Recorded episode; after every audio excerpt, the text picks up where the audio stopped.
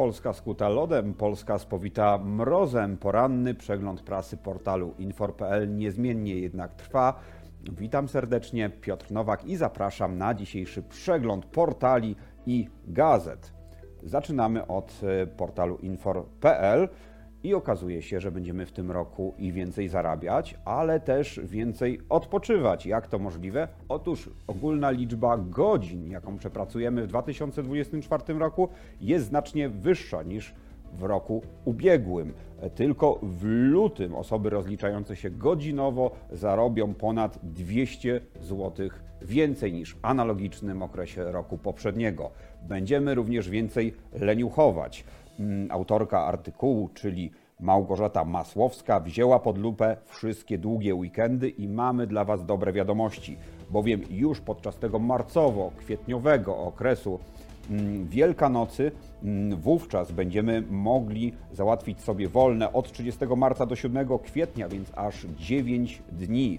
Łaskawa dla nas będzie również majówka, bowiem wtedy skorzystanie z urlopu 29 kwietnia i 30 kwietnia również da nam 9 dni.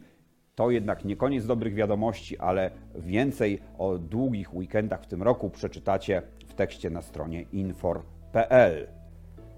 Z kolei serwis InforLex donosi o ważnych postulatach podatkowych dla firm wysuniętych przez reprezentację pracodawców, czyli Konfederację Lewiatan. Organizacja ta postuluje m.in. poprawienie przepisów dotyczących podatku u źródła, raportowania schematów podatkowych zagranicznych jednostek kontrolowanych oraz zmiany w zakresie limitów kosztów finansowania dłużnego.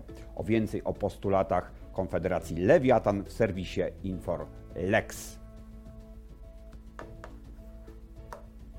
To będzie prawdziwa rewolucja w fakturowaniu, donosi Gazeta Wyborcza, a konkretnie Piotr Miączyński. Największe wyzwanie podatkowe tego roku. Mocne słowa padają i faktycznie zmiany te mogą napędzić trochę problemów wszystkim księgowym.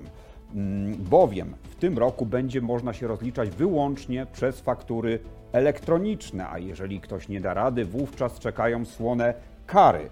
Kogo będzie dotyczyć ten rejestr e, faktur elektronicznych? Dla podatników podatku VAT od 1 lipca 2024 roku, a także dla przedsiębiorców zwolnionych z podatku VAT, u których wartość sprzedaży nie przekroczyła w poprzednim roku podatkowym kwoty, kwoty 200 tysięcy złotych. Mm, jak to się przekłada na liczby? W sumie chodzi o mniej więcej 2 miliony podatników VAT i 755 tysięcy podmiotów zwolnionych. Więcej o tej rewolucji fakturowania w dzisiejszym dodatku Ekonomia Plus w Gazecie Wyborczej. Polskie firmy uciekają spod gilotyny bankructwa. Nie będzie co prawda więcej bankructw w tym roku, natomiast będzie więcej firm, które poddają się procesowi leczenia, czyli restrukturyzacji. Liczba firm, które zostały poddane restrukturyzacji w roku 2023 była o 2000 wyższa od tej w roku 2022 i wynosiła ponad 4,2 tysiąca złotych. Coraz więcej przedsiębiorców wpada w niewypłacalność z powodu pogorszającej się koniunktury gospodarczej, słabnięcia rynku krajowego, jak również e, pewnych ruchów międzynarodowych, takich jak słabnięcie gospodarek Chin czy Niemiec, co nie pozostaje bez wpływu na polski rynek. Natomiast polskie firmy uciekają spod gilotyny właśnie w proces restrukturyzacji, także nie składają broni, a jeszcze walczą o to, żeby uzdrowić te finanse wewnętrzne. Więcej o tym zjawisku w dzisiejszym pulsie biznesu na stronie ósmej. Dalej mamy gazetę polską codziennie, a tam e, najciekawsze informacje, czyli krzyżówka, sudoku, a także inne zagadki literowo-liczbowe. Ceny w sklepach będą wciąż rosły. To wiadomość dla tych, którzy liczyli, że ta inflacja nagle będzie pikować. Otóż nie będzie, natomiast będą rosły nieco wolniej. To dzisiejsza Rzeczpospolita. Piotr Mazurkiewicz pisze: W kolejnych miesiącach nie grozi nam raczej przyspieszenie inflacji, bo działa tak zwany efekt bazy. Porównujemy się do poprzedniego roku, kiedy było bardzo, bardzo drogo. Pamiętamy, że wtedy ceny w sklepach rosły już w tempie dwucyfrowym miesięcznie.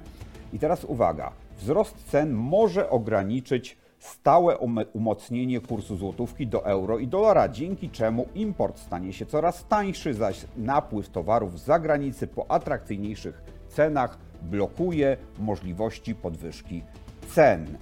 Ogólnego wzrostu cen nie da się uniknąć, natomiast nie powinniśmy już się bać powrotu do tego wzrostu w tempie dwucyfrowym.